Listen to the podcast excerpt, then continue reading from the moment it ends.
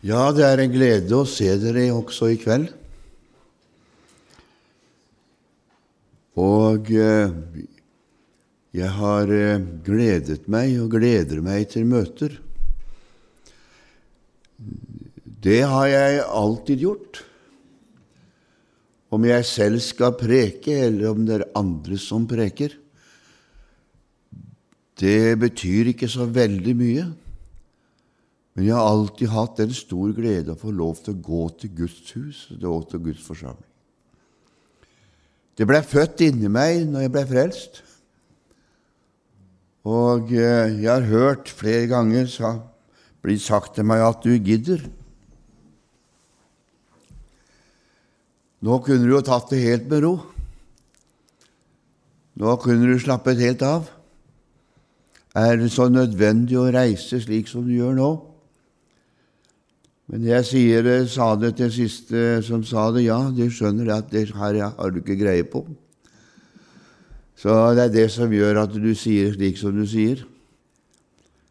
For det har lagt ned et kall i mitt indre, og det er å være med å forherlige navnet Jesus.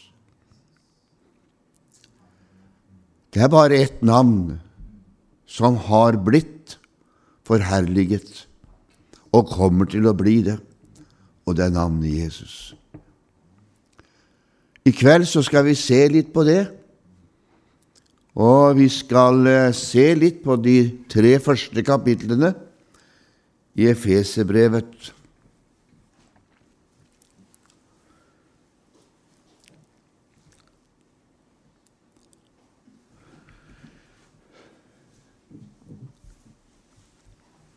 Det er slik at eh, Bibelen den forteller oss om en Gud, en frelser og en hellig ånd. Alle disse tre personlighetene har én en eneste hensikt, og det er å frelse, redde og føre mennesker fram til himmelen. Det er det eneste de tenker på. At mennesker ikke blir frelst, det er ikke Guds skyld. Det er menneskets eget valg. Og Jeg pleier å si det sånn at det er ikke et eneste menneske som sitter i fortapelsen fordi at Gud vil det. For Bibelen den er veldig klar, og den sier at Gud vil at alle mennesker skal bli frelst og komme til sannhetserkjennelse. Og han har gjort alt som står i hans makt for å få det til. Helt fantastisk. Han har gjort alt han kan for å muliggjøre det. Men eh, som mennesker så har vi også et veldig makt.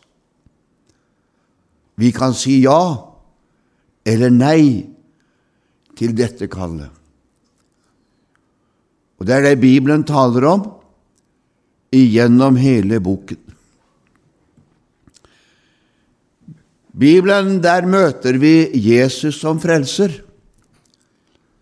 men vi møter også Jesus som konge. I Efeserbrevet så møter vi Jesus som hode for legemet, altså for menigheten. I dag så møter vi Jesus som frelser. I dag er vi på den frelsende side hvor vi kan oppleve å bli født på ny til et levende håp. Men det kommer en dag da Jesus skifter ifra å være frelser til å bli konge. Nå er Jesus konge, og han er kongenes konge. Men i dag så har han på seg frelseskappen. Men det kommer en dag da han tar på seg kongekappen, og det betyr samtidig dommerkappen. Det finner vi i åpenbaringsboken. Der ser vi hvordan lammet, som er bildet på Jesus, liksom slaktet, står foran tronen og oss mennesker. Han er mellommannen mellom oss. Så ser vi hvordan de 24 eldste gråter. For det var ingen som kunne ta bokrullen ut av Guds hånd. Ingen var funnet verdig til det. Ikke noen på jorden, og ikke noen under jorden. Men da er det lammet stiger fram og tar boken og begynner å åpne seilene på den.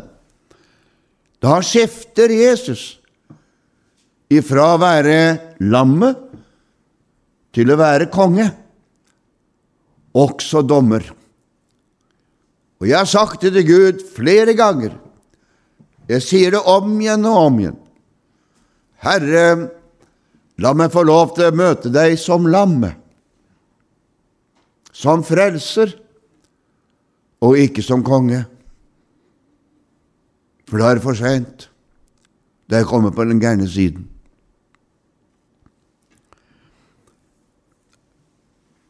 Efeserbrevet taler til oss gjennom tre hele kapitler og forteller oss på en innlevende og gripende måte hva Gud har gjort for oss igjennom Jesus Kristus. Han taler om at Gud ifra evighet Og jeg har prøvd å sette meg inn i dette med evighetssystemet. Hva er det for noe? Men jeg må innrømme at tanken klarer ikke å nå det. For evighet er evighet. Vi vet ikke hvor han begynte, og vi aner ikke hvor han ender. Evighet er evighet. Og Bibelen sier at Gud er fra evighet. Og han sier det på en annen måte at før alle ting var til, var Gud. Det er den Guden som griper inn i menneskenes lille historie. For vår historie er ikke lang i forhold til evigheten.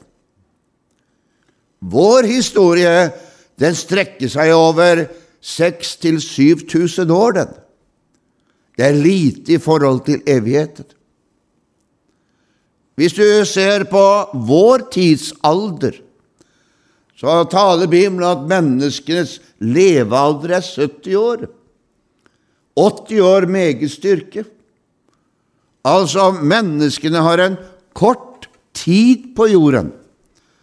Når vi er barn og vi er unge, så synes vi er uendelig langt fram.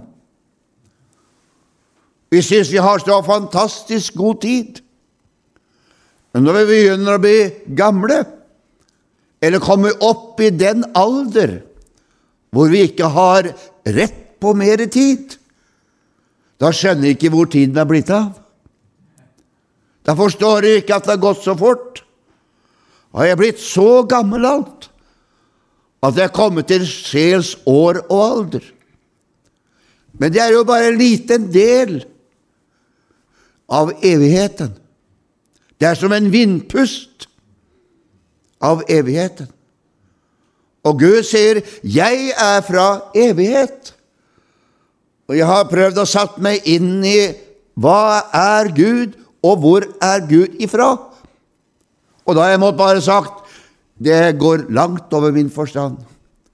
Jeg bare godtar at Gud er fra evighet og blir til evighet. Denne Gud og det gjør Gud så stor for meg. Denne Gud bryr seg om lille mennesket. Og hvorfor bryr han seg om det lille mennesket? Jo, for det lille mennesket er skapt i Guds bilde. Det er det som er så fantastisk. Det mennesket er en del av Gud. Fenomenalt. Det er ikke en del av et skaperverk, som jorden er, men det er en del av Gud. For når Gud dannet dette første mennesket, Adam, og gjorde det mennesket til et menneske i Guds bilde, da blåste han livets ånde inn i det menneskets nese, og det mennesket ble til en levende sjel. Ikke bare en levende sjel som en gang døde, nei, et menneske udødelig, som kommer til å leve evinnelig. Et menneske lik Gud, med evigheten innlagt i seg selv. Derfor bryr Gud seg om oss. Derfor så tenker Gud på oss. Og gjennom eh, hele Bibelens historie så finner vi hvordan Gud på sin overbærende måte prøver å beskytte oss mennesker, hjelpe oss mennesker i alle livets situasjoner, og har en overbærenhet med oss i vår fornedrelse, i våre synder eller våre måter å leve på mange ganger, og de feil og mangler som vi har og kanskje kommer til å gjøre. Han har en ovenbærende selvtilgivelsessinnelag som er grenseløs på alle sider av mennesket. Og hvorfor er han sånn? Jo, for det er Guds vesen. For Jesus han sier litt om Gud. Han sier at 'så har Gud elsket verden'. Og Da snakker han ikke om trærne, ikke om blomstene. Han snakker om mennesket. Han elsket mennesket like høyt. Selv den dagen da mennesket tapte sin anseelse. Han elsket mennesket like høyt. Da måtte jage dem ut av paradis. Så var det ikke fordi at Gud var sint på mennesket. Det var fordi at Gud ønsket å skåne mennesket. Gud ønsket å redde mennesket. Gud satte alle kluter til for at mennesket ikke skulle tape sin evighetsglans. Derfor gjorde han det han gjorde. Det er ikke alt du og jeg forstår gjennom livet hva Gud holder på å gjøre og gjør. Men én ting forstår jeg, én ting vet jeg, at det fins ikke noen ting som vederfares deg og meg, uten å ha passert Guds trone først. Det vil si uten at han vet om det. Uten at han har allerede på forhånd vært der. Derfor står det om Jesus vet når han taler til Peter. Da Peter lover gull og grønne skoger, som vi sier. Da Peter bruker store bokstaver. For det hender av og til at vi gjør det. Det gjør jeg, jeg i hvert fall. Av og til bruker jeg noen store bokstaver der jeg burde ha brukt små. Og Peter han sa det sånn klart og tydelig, og han mente det der i det øyeblikket. Om alle andre går, om alle andre fornekter deg, kommer aldri jeg til å gjøre det. Du kan regne med meg. Og Peter mente det 100 Det var ikke noe tvil i Peters hjerte. Han kunne ikke tenke seg å fornekte han engang. Han kunne ikke tenke seg å si noe sånt engang. Det fantes ikke snugg av denne tankegangen i Peter. Han mente det. Det var bare det at Jesus visste bedre. Og hvor godt det er å ha en frelser som vet litt bedre av og til. Så han går i forkjøpet. Og så sier han til Peter, 'Jeg ba for deg, jeg, Peter.' Jeg ba for deg. Han kom han i forkjøpet. Og sånn er Gud. Han er alltid i forkjøp. Han kommer aldri etterpå. Han er ikke som oss mennesker, at de er etterpåkloke. Men Gud er ikke det. Han er selvklok. Han kommer alltid i forkjøp. Og så ber han en bønn. Jeg ba for deg, Peter, at din tro ikke måtte svikte.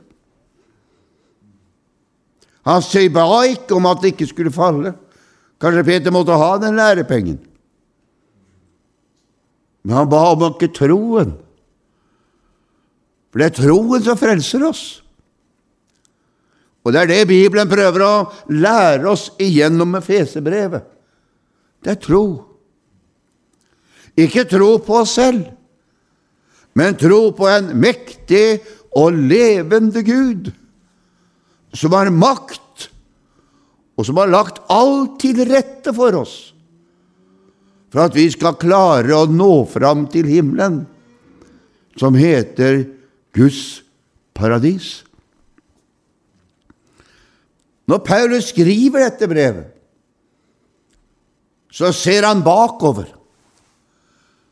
Det er som han eh, får en åpenbaring av Guds evige vesen ifra evighet av. Det er som han ser inn i noe han aldri har sett inn i. Han ser inn i Guds begynnelse i Guds begynnelse. Når det var, det vet ikke, men det står at vi er utvalgt i Jesus før verdens grunnvoll ble lagt. Og når begynte den? For evighet siden. Begynnelsen. Og når Paulus ser inn i det, da begynner han alltid med en lovprisning. Og den lovprisningen som Paulus kommer med i det første kapitlet, i vers 3, bunner ut i det han hadde sett, inn i Guds grenseløse frelses nåde, som han har eh, skapt for oss igjennom Jesus Kristus. Og Gud begynner alltid med nåde. Neste gang jeg kommer igjen, så skal vi tale om tabernaklet. Og der begynte alltid Gud med nåde. Og det første de måtte bygge, kan du lese det fra kapittel 25 i annen Mosebok og framover? Det første de måtte bygge, før noe annet ble bygget, det var en paktens ark. Før noe kunne skje, både med himmelen og med jorden, før noe kunne skje at han kunne skape en eneste blomst, et eneste tre måtte Gud ordne med en pakt først. Og den pakten ble ikke ordnet mellom deg og Gud. Den pakten ble ordnet mellom Jesus og Gud ifra evighet av. Så det er ikke deg og meg han har laget en pakt med. Han har laget en pakt med Jesus. Og det er den pakten vi får lov til å stå midt oppi. Og Derfor så måtte han ordne med denne pakten. Og Derfor sier han til eh, Moses, du Moses, når du skal lage det tabernaklet som jeg skal bo i, og som skal være i sentrum av der hvor dere er, da må du begynne med tabernakelets pakt. Der inne begynner Gud. Slik er Gud. Han begynner alltid med nåde. Alltid med nåde. Vi kan ikke ha noen annen Gud, vi. Alle andre guder begynner alltid med 'du skal', og 'du skal ikke'. Alle andre guder begynner med det. Og Derfor ser du at alle religioner Det kan være noe bra i mange religioner, men det er bare at ingen religion begynner med nåde. Det er bare evangeliet som gjør det. Og evangeliet er ingen religion. Evangeliet er liv ifra Gud. Det er det som er så fantastisk. Derfor går det ikke an å skape en religion rundt seg selv som vi kan bygge vårt liv på. Vi må bygge på det livet som Jesus har skapt for oss, det nye livet. Og Derfor begynner Bibelen så fenomenalt, synes jeg, at han sier at dersom noen er i Kristus, da er det mennesket en ny skapning. Det kunne ikke gjøres på noen annen måte. For Gud kunne ikke oppheve døden. Han kunne ikke oppheve sitt ord. Og Derfor gjør Gud det på en annen måte. Han beseirer døden. Og det gjør han gjennom et nytt menneske. Og det nye mennesket heter Jesus. Derfor er Jesus den siste Adam. Den første Adam, den ble død. Og det er den Adam som du er av, som jeg er av. Den er i utgangspunktet død. Den har ingen muligheter til å overleve. Den er dødens. Og Bibelen sier meget klart at den som synder, skal dø. Og nå har vi denne synde ett med oss, da. Så i utgangspunktet, når vi fødes inn i verden, så fødes vi som egentlig syndere i Guds øyne. Men så skjer dette forvandlende underet, som ikke noen kan forstå, men som alle må bare tro det er at når vi kommer til Jesus og ber om Jesu nåde og tilgivelse over vårt liv, da skjer det forvandlende verket. At Gud i himmelen gjenføder dette mennesket til et levende håp igjennom Jesus Kristus og dermed så blir det mennesket født på ny. Og Derfor er noen i Kristus er han en ny skapning. Det gamle er forbi, og alt har blitt nytt. Vi har et flott bilde, vi har mange bilder i Bibelen på dette. Vi har gode bilder i Danielsboken. Du vet, Daniel var en av de som var bortført til Babel. Han var en av dem som eh, bodde i Babel. Han var en av dem som hadde gjort seg kjent og bemerket på grunn av sin gudsfrykt og Guds tro.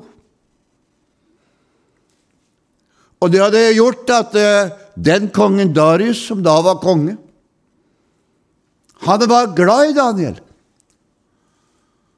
For han kunne stole på Daniel i alle ting. Han visste at Daniel var en person som han kunne sette til alle ting. og vite at det Daniel sa og gjorde, det var helt i orden. Så kommer det noen menn som ikke likte Daniel. Og la meg si det sånn med en eneste gang som en frelst person så er du ikke så velansett i den verden som du lever i. Djevelen liker deg i hvert fall ikke, og mange av hans barn liker deg heller ikke. Og Daniel han ble ikke likt av sin samtid og sine medarbeidere. Han likte det ikke. Så de utpønsket en plan mot Daniel og lurte på hvordan de skulle klare å få Daniel ut av tiden. Få han vekk. Men det var det at de fant ikke noe på Daniel som de kunne sette fingeren på. Da tenkte de kanskje vi kan gjøre noe med hans gudstro. Så går de til kongen og sier at du, konge, kan ikke vi gjøre det sånn at eh, den som ber til andre guder enn de gudene som du holder på med, den må vi kaste i løvehulen. Og kongen ble ikke bedre enn han ble smigret. For kongen ba ikke til den guden der oppe. Han hadde sine guder og var selv en gud. Så han syntes dette var glimrende påfunn. Så han satte og skrev navnet under og satte seil på. Og da visste disse mennesker med eneste gang dette seilet, og dette stempelet, gikk ikke an å ta tilbake. Selv om han var konge i alt så mye, kunne de ikke ta det tilbake. Så dermed så vakta de på Daniel. Og Daniel han gjorde som han pleide å gjøre. han. Ba til sin Gud tre ganger om dagen. Og så tok de Daniel på fersk gjerning. Og så tok de med seg Daniel inn til kongen. Og så spør de kongen, 'Du konge, har ikke du sagt?' Jo da, og så viser de også papiret. Det står her, konge.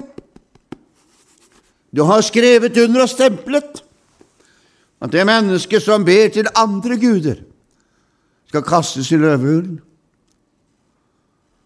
Kongen prøvde hele dagen å finne en utvei. Han prøvde hele dagen å se kan jeg finne en løsning. Men det fantes ingen løsning. Det fantes ingen utvei. Og når kvelden kom, så kommer disse mennene igjen, og så sa du, da, du konge, hvordan går det? Kan ikke ta oss tilbake. Og kongen måtte motvillig ta med seg Daniel bort til løvehulen. Han kastet han nedi, eller sendte han ned. Han lukket en stein over og satte sitt eget segl over. Og så gikk han hjem og fikk ikke sove. Han var trist til sinne, men han kunne ikke ta tilbake det han selv hadde sagt. Det var en udødelig lov. Dagen etterpå så kommer, Daniel, kommer kongen tilbake til hulen. Og Så roper han ned når han har tatt vekk seglet og steinen. Du, Daniel, lever du?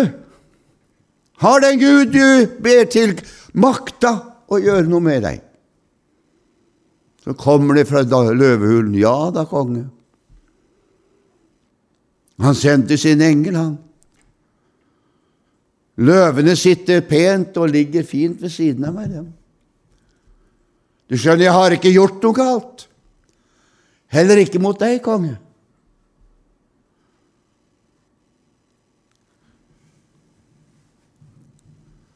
Hva var det som redda Daniel? Det var så mye ånd i Daniel. Det var et annet liv i Daniel som ikke døden kunne gjøre noe med. Derfor så overlevde Daniel. Men de menneskene som hadde gjort dette mot Daniel Det står at før de nådde bakken, hadde løvene knust beina på dem. Hvorfor det? Det var døden som hersket i deres liv. Og der døden hersker, der blir det død. Men der livet hersker, der blir det liv. Og det er noe av det Bibelen lærer oss gjennom Efeserbrevet. At det livet som du og jeg har fått av Gud, og som vi ødela på fallets dag, det livet har vi fått tilbake igjen ved Jesus Kristus, gjennom hans død og hans oppstandelse. Derfor var det helt umulig for Gud å si til menneskeslekten ja, ja, vi skal vel finne en annen løsning. Helt umulig. For Gud har sagt det en eneste gang at den som gjør det, den dør. Og det gikk ikke an å ta tilbake. Døden hersket, sier Paulus i romerbrevet. Døden hersket. Men så kommer livet, og livet kommer gjennom Jesus. Og derfor så begynner Paulus Han begynner med nåde. For Gud begynner alltid med nåde. Bygg et ark før du gjør noen verdens ting. Du må begynne med nåde. Og Derfor så begynner Paulus i Efeserbrevet òg. Han sier at vi er utvalgt i ham. Og når han bruker uttrykket 'ham', så tenkte han ikke på det at ikke vi forstår. Han vet hvem vi mener. Han mener i Jesus. Og den utvelgelsen som vi fikk i Jesus, og har fått i Jesus, den fikk vi før verdens grunnvoll ble lagt. Halleluja. Dette måtte han ordne med før.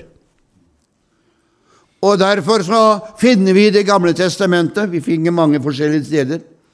Men vi finner i gamle testamentet at det finnes to matoffer. En som ble ofret på morgenen, og en som ble ofret på kvelden eller ettermiddagen. To. Og Jesus han sier, 'Det er jeg som er maten. Det er jeg som er brødet. Det er jeg som er livet, kommet ned fra himmelen.' Og Derfor måtte Gud ordne med matofferet, livet, brødet, i tidens morgen. Han måtte ordne med det. Men eh, på ettermiddagen, som er da den tiden hvor Jesus døde på korset, klokken tre, klokken 15, da måtte det andre matofferet fram. Men det er det samme matofferet. Det er samme person. Da måtte matofferet fram. Og det måtte ofres og Jesus sier, 'Det er jeg som er matofferet'. Min mat er jo hans vilje, og derfor er han matofferet vårt. Og derfor så har han utvalgt han ifra verdens grunnvoll belagt. Så realiserte han det på Golgata kors. Da realiserte han det. Og da gjorde han det som han hadde sagt han hadde gjort. Og det blir akkurat på samme med deg og meg. Når vi blir frelst og født på ny, så er vi Guds barn. Og den dagen vi flytter herfra inn i himmelen, så blir vi ikke et bedre barn. Vi er det samme barnet. Det er bare det at eh, vi har blitt født her nede, og vi skal realisere det der hjemme. Da skal vi få det fullt ut, det vi allerede har fått mens vi var her. Det er fantastisk. Og Derfor så sier Bibelen at han får ut bestemt oss til å få barnekår. Så det barnekåret du har fått i Jesus Kristus, det er et barnekår som Gud har ordnet med ifra tidens morgen. Og sikret menneskeheten, slik at hver den som påkaller Jesu navn, den blir frelst. Det er fantastisk. Og det gjør mange ganger at jeg tror vi kommer til å bli meget overrasket hvis det skal overraske oss, noe jeg ikke tror allikevel. At vi ville finne mennesker i himmelen som vi ikke trodde var der. Mennesker som kanskje i siste øyeblikk Og det er noen ganger jeg undres over at hvorfor går den i en ulykke? Hvorfor dør akkurat den? Det er jo bønnebarn. Har ikke tenkt Gud har tenkt å frelse det? Jeg tror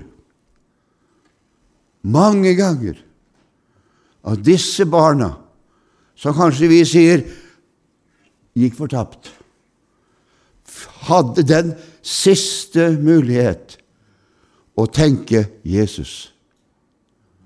Tenke Jesus. Det er ikke sikkert han hadde tid til å be engang, men tenke Jesus. Da kom jeg røveren i hu på Golgata. Denne røveren han hadde ikke tid til å tenke. Han var der. Han hadde en bekjennelse. Og så sier han, 'Kan du komme meg i hu?' I dag skal vær med meg i paradis. Så jeg tror at vi skal møte en hel del mennesker som vi trodde ikke nådde fram, men som allikevel nådde fram.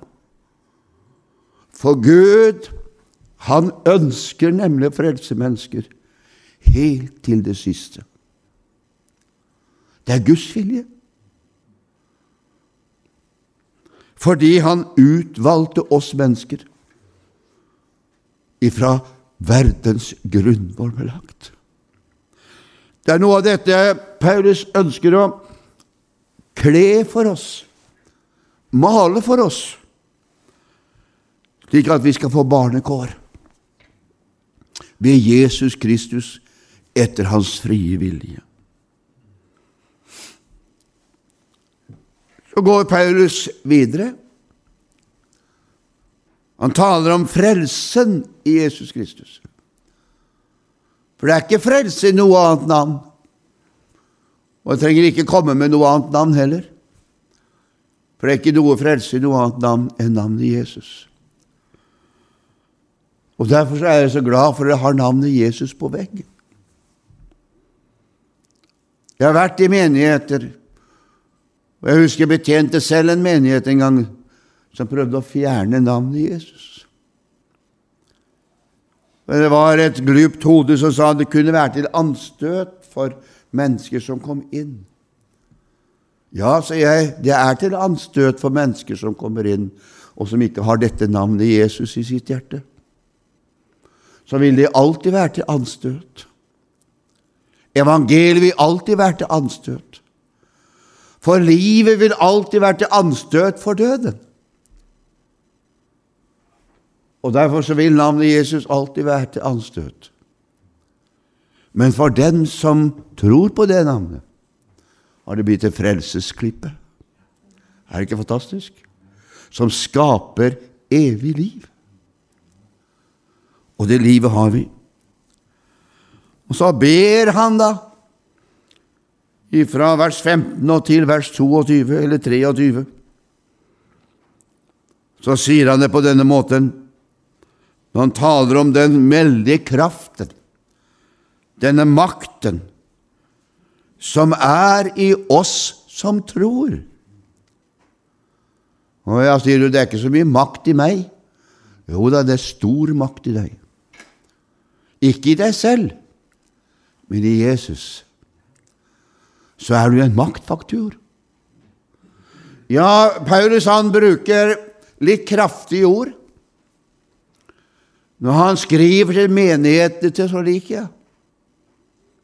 Han sier det så kraftig at den som holder igjen, eller de som holder igjen Hvem er det som holder igjen, da? Jo, det er jo vi. Det er Guds barn. Som har Guds ånd, Jesu Kristi ånd og Den hellige ånd i sitt hjerte. De holder igjen. Den dagen du og jeg blir borte, den dagen blir det styggmørkt på jorden. For da er lampene borte. Da er lampene borte. Da blir det styggmørkt på jorden. Og da blir det ikke bare mørkt på jorden, men da har djevelen fått fritt somleplass. For da er han kommet ned hit selv. I dag gjør han ikke det. I dag går han på denne jorda igjennom de menneskene som tilhører han. På samme måte som Jesus selv går ikke på jorden. Men han går på jorden igjennom de menneskene som tilhører ham. Så der hvor du og jeg går fram som tilhører Jesus, der går Jesus fram. Der går Jesus fram, for vi er lampa. Mens de som ikke tilhører Jesus, de som tilhører djevelen, der går døden fram. Ondskapen fram. Og Derfor har vi alt det onde i denne verden. Men tenk den dagen da lampa blir borte, da, som holder igjen. Da blir det mørkt på jorda. Og djevelen selv, sier Bibelen, farer ned til jorden i stor vrede. Da blir det vanskelig på jorden. Og han som har hatt nådens evangelium og sittet på nådens trone, har skiftet kongedømme eller skiftet beite. Han har tatt på seg en annen drakt. Da blir det ikke godt å være menneske lenger på jorden. Og det er ikke noe rart at i den tiden så kommer mennesket til å rope. De kommer til å skrike, og de kommer til å rope opp Kan du la fjellene falle over oss? For hans vrede er så stor.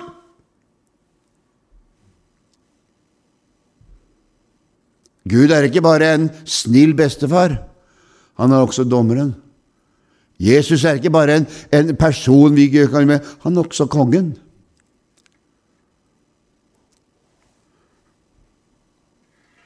Han ber.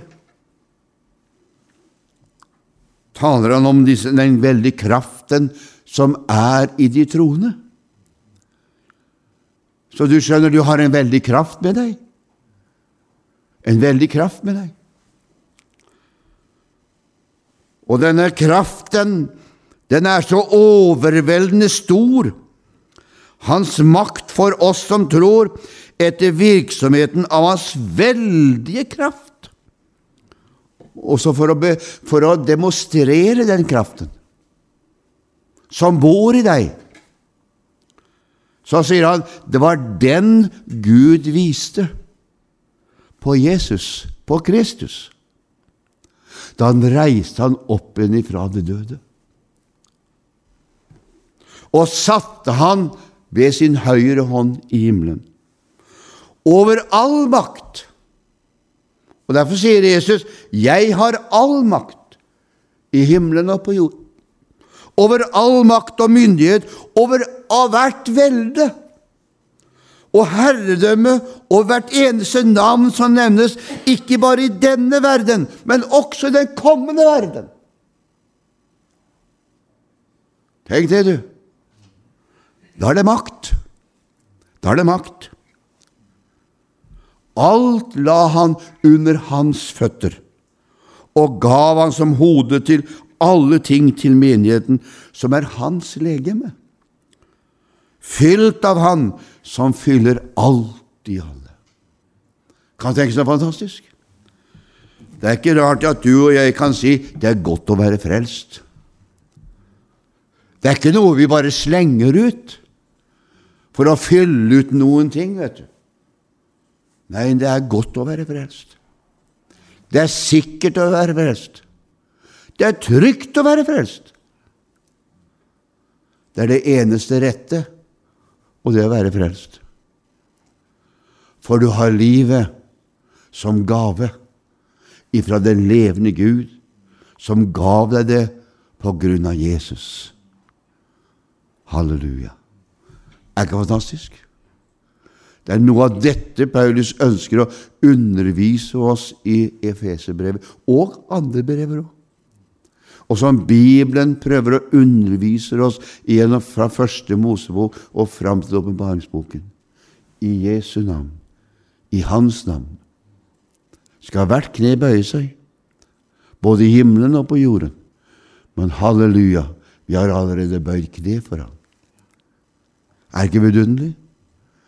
Allerede så er han min Herre, min frelser, min gjenløser. Og den kraften som reiste han opp ifra det døde, den kraften bor i deg og meg. Er det ikke fantastisk? Derfor så kan du med ja, jeg kan si nesten med, med en hånden på ditt hjerte Du kan si, Gud, ingen fare. Hva som møter meg, ingen fare. For den som tror på meg, om han enn dør Og døden er det siste, vet du. Den siste fienden. Det er den verste fienden vi har.